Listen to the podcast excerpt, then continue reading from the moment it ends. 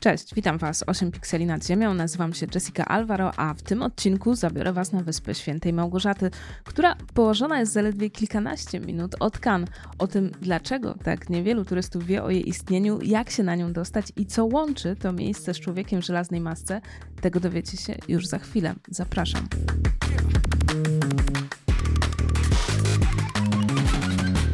Nie wiem, czy słyszeliście kiedyś o Wyspach Lereńskich. Ja dowiedziałam się o nich zupełnie przypadkiem, e, gdy postanowiłam pojechać do Cannes.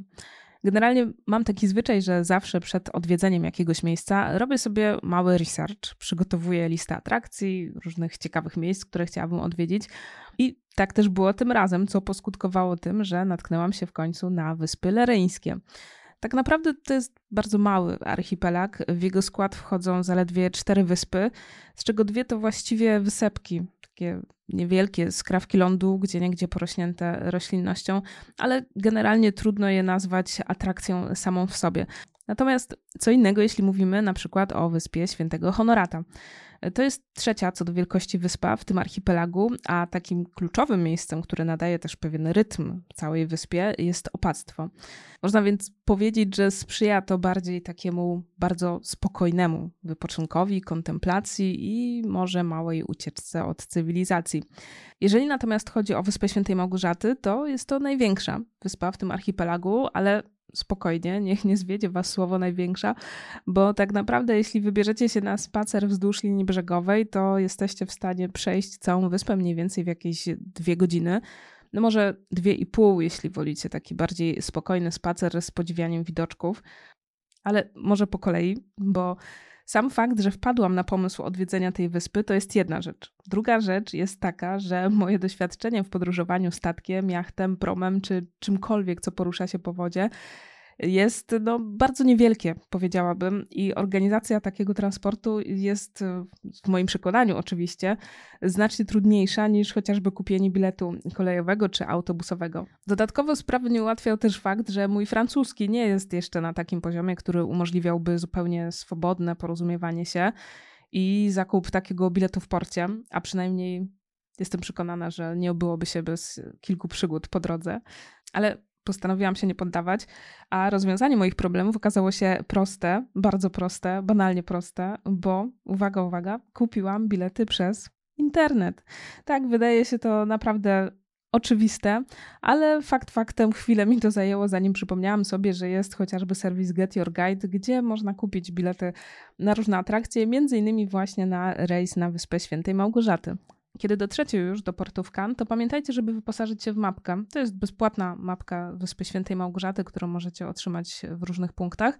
Jest to o tyle ważne, że na tej mapce są zaznaczone różne ważne, ciekawe punkty na wyspie, a też znajdziecie tam ścieżki, które przecinają tę wyspę i którymi możecie spacerować, żeby dotrzeć do poszczególnych miejsc, więc jest to bardzo przydatna opcja. Sama podróż z Cannes na Wyspę Świętej Małgorzaty trwa jakieś 10 minut. Dla mnie to było lekkim zaskoczeniem, bo spodziewałam się, że potrwa to jednak odrobinkę dłużej, ale jednocześnie to też kolejna dobra wiadomość, tym razem dla osób, które mają chorobę morską i źle znoszą tego typu atrakcje. Na samej wyspie pierwsze miejsce, do którego dotrzecie, to oczywiście port. Chociaż słowo port to jest za dużo powiedziane, powiedziałabym, że porcik, taki mały, uroczy porcik, od którego właściwie od razu można zacząć zwiedzanie. Obok portu znajdziecie restaurację, kilka budek z jedzeniem, więc jeśli wcześniej nie zaopatrzyliście się w żaden prowiant, no to jest to dobra okazja, żeby uzupełnić zapasy. Tym bardziej, że na wyspie znajdziecie kilka specjalnie wyznaczonych miejsc, aby urządzić sobie piknik. Taki klasyczny, normalny piknik na świeżym powietrzu. Francuzi generalnie bardzo lubią e, spędzać czas w ten właśnie sposób, więc i tutaj właśnie na Wyspie Świętej Małgorzaty znajdziecie miejsce, gdzie możecie zjeść posiłek na wolnym powietrzu, a przy okazji podziwiać piękne widoki. Jedyna rzecz, o której trzeba pamiętać, to żeby posprzątać po sobie. Wydawałoby się, że to oczywiste, ale na tej wyspie jest to szczególnie ważne, tym bardziej, że nie ma tam koszy na śmieci a przynajmniej nie było ich, gdy ja ją odwiedzałam. I generalnie w różnych miejscach możecie natknąć się na takie informacje, że śmieci należy po prostu zabierać ze sobą. Oczywiście możecie je zutylizować po powrocie do kan czy w jakimkolwiek innym miejscu, gdzie znajdziecie kosze na śmieci, ale tak jak mówię, nie możecie zostawić tych śmieci na wyspie. Okej, okay, najważniejszy temat, jedzenie mamy już za sobą, więc myślę, że możemy przejść dalej. A konkretnie możemy przejść po samej wyspie, bo jest to miejsce, które idealnie nadaje się właśnie do tej aktywności. I tutaj do wyboru macie właściwie dwie opcje. Opcja numer jeden jest taka, że możecie po prostu przejść wyspę wzdłuż linii brzegowej. I jeśli zdecydujecie się na to, to polecam wybranie wygodnych butów. Wszelkie japonki, klapki odradzam, będą mało wygodne, bo nabrzeże bywa miejscami po prostu dość skaliste, stąd raczej weźcie ze sobą po prostu wygodne buty. Natomiast druga opcja, opcja dla fanów klapek, którzy nie lubią się z nimi rozstawać, no to poruszanie się wyznaczonymi ścieżkami, które są też zaznaczone na mapce, o której wspomniałam wcześniej. A sama wyspa poprzecinana jest wieloma takimi alejkami. Jedna z najbardziej znanych, która na mnie też zrobiła ogromne wrażenie, to aleja eukaliptusowa. I to wrażenie pod kątem zarówno wizualnym, bo wzdłuż tej drogi biegną potężne eukaliptusowe drzewa, ale też zachwycające były same zapachy, bo to naprawdę niesamowite uczucie, gdy w powietrzu unosi się woń eukaliptusa. Coś takiego czułam chyba pierwszy raz w życiu i trudno to właściwie porównać z czymkolwiek innym. Stąd bardzo, bardzo, bardzo Wam polecam przejście się właśnie tą aleją. Sam spacer po wyspie to jest też świetny sposób na to, żeby odkryć różne ciekawe plaże. Jest ich tutaj dość sporo, ale od razu też mówię, że nie są to plaże piaszczyste, żeby nie było żadnego zawodu. W najlepszym razie uda Wam się znaleźć plaże pokryte żwirem albo też bardzo drobnymi kamyczkami. Tych drugich jest rzeczywiście całkiem sporo i te miejsca są też zazwyczaj całkiem bezpieczne dla dzieci. Stąd można zobaczyć tam też najwięcej rodzin z maluchami, które pluskają się w wodzie. Natomiast e, jeśli wolicie bardziej ustronne miejsca, no to na Wyspie Świętej Małgorzaty znajdziecie ich e, również całkiem sporo. Sporo jest takich małych zatoczek, przy których można rozłożyć koc albo popływać. Jedyne o czym warto pamiętać, to żeby zabrać ze sobą buty do pływania, bo dno morskie w takich miejscach zazwyczaj jest pokryte kamieniami, e, a one bywają śliskie, ostre i chodzenie po nich może skończyć się źle. A mówię to trochę z własnego doświadczenia, bo ja niestety butów do pływania ze sobą nie wzięłam. Nie spodziewałam się, że właśnie plaże na wyspie Świętej Małgorzaty będą tak skaliste. I moja próba pływania w jednej z takich zatoczek skończyła się tym, że miałam pokaleczone stopy, kolana, co jak się domyślacie było mało przyjemne. Dlatego koniecznie zabierzcie ze sobą buty do pływania.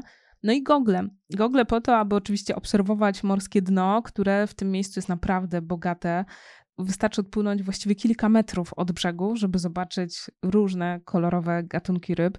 Na mnie zrobiło to ogromne wrażenie, bo nie spodziewałam się kompletnie, że akurat we Francji będę miała okazję popływać w towarzystwie ryb.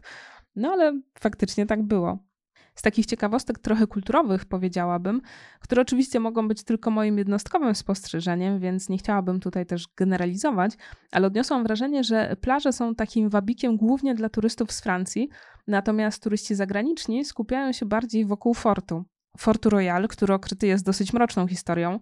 Przypuszczam, że większość z Was gdzieś już o niej słyszała, a mianowicie chodzi o historię człowieka w żelaznej masce, bo to właśnie tutaj, forcie na Wyspie Świętej Małgorzaty, był on przetrzymywany przez 11 lat swojego życia. I tutaj też możemy dowiedzieć się nieco więcej na temat tej postaci. To, co dla mnie jest najstraszniejsze w tej historii, to, że tak naprawdę nikt nie wie i prawdopodobnie już nikt nigdy się nie dowie, kim był ten mężczyzna i co tak naprawdę spowodowało, że został po pierwsze skazany na 34 lata pozbawienia wolności, a po drugie, że zmuszono go do noszenia maski, żelaznej maski praktycznie do końca jego życia. Generalnie cała ta historia obrosła mnóstwem teorii, wieloma legendami i co więcej, stała się nawet inspiracją dla Hollywood. Nie wiem, czy widzieliście film z 98 roku, Człowiek w żelaznej masce.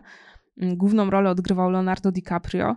Jeżeli nie, to polecam oczywiście, aczkolwiek polecam oglądać też ten film z pewnym dystansem, bo historia, która jest tam przedstawiona, to tak naprawdę adaptacja powieści Aleksandra Dumas i mówiąc krótko, nie jest to film o charakterze historycznym.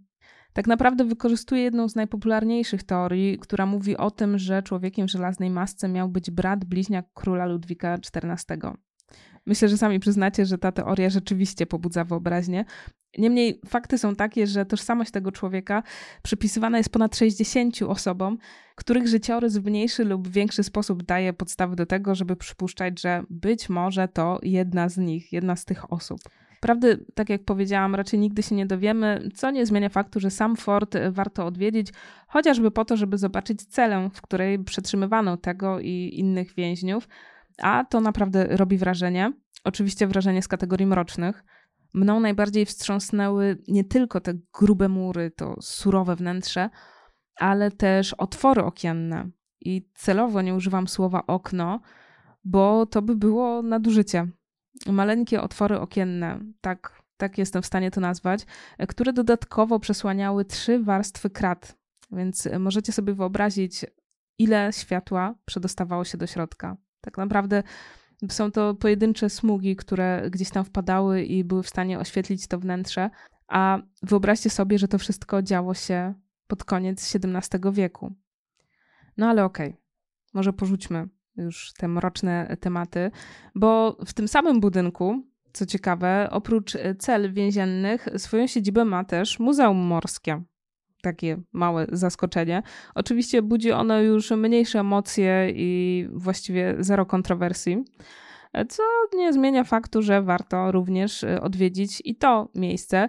Ekspozycja prezentuje ceramikę pochodzącą ze starożytnego Rzymu, więc jeśli lubicie nieco starszą historię, no to jest to coś, co na pewno może Was zainteresować. Cała fortyfikacja składa się generalnie z kilku budynków, które można oglądać z zewnątrz. Natomiast to, co mnie najbardziej urzekło, to była panorama, która roztacza się z murów obronnych, bo jest to właściwie jedyne miejsce, z którego możecie zobaczyć Kan właśnie z takiej perspektywy. No a przy okazji jest to też dobra okazja do tego, żeby ustrzelić parę ładnych zdjęć. Mnie się to również udało, a gdybyście mieli ochotę zobaczyć te fotografie i dowiedzieć się jeszcze więcej o Wyspie Świętej Małgorzaty, to zapraszam Was serdecznie do artykułu na ispaniko.pl. Link znajdziecie w opisie do tego odcinka. A tymczasem dziękuję Wam za tę wspólną wycieczkę. Jeśli Wam się podobało, to zapraszam Was oczywiście do subskrybowania kanału, abyście nie przegapili kolejnych odcinków. I cóż, do usłyszenia. Cześć!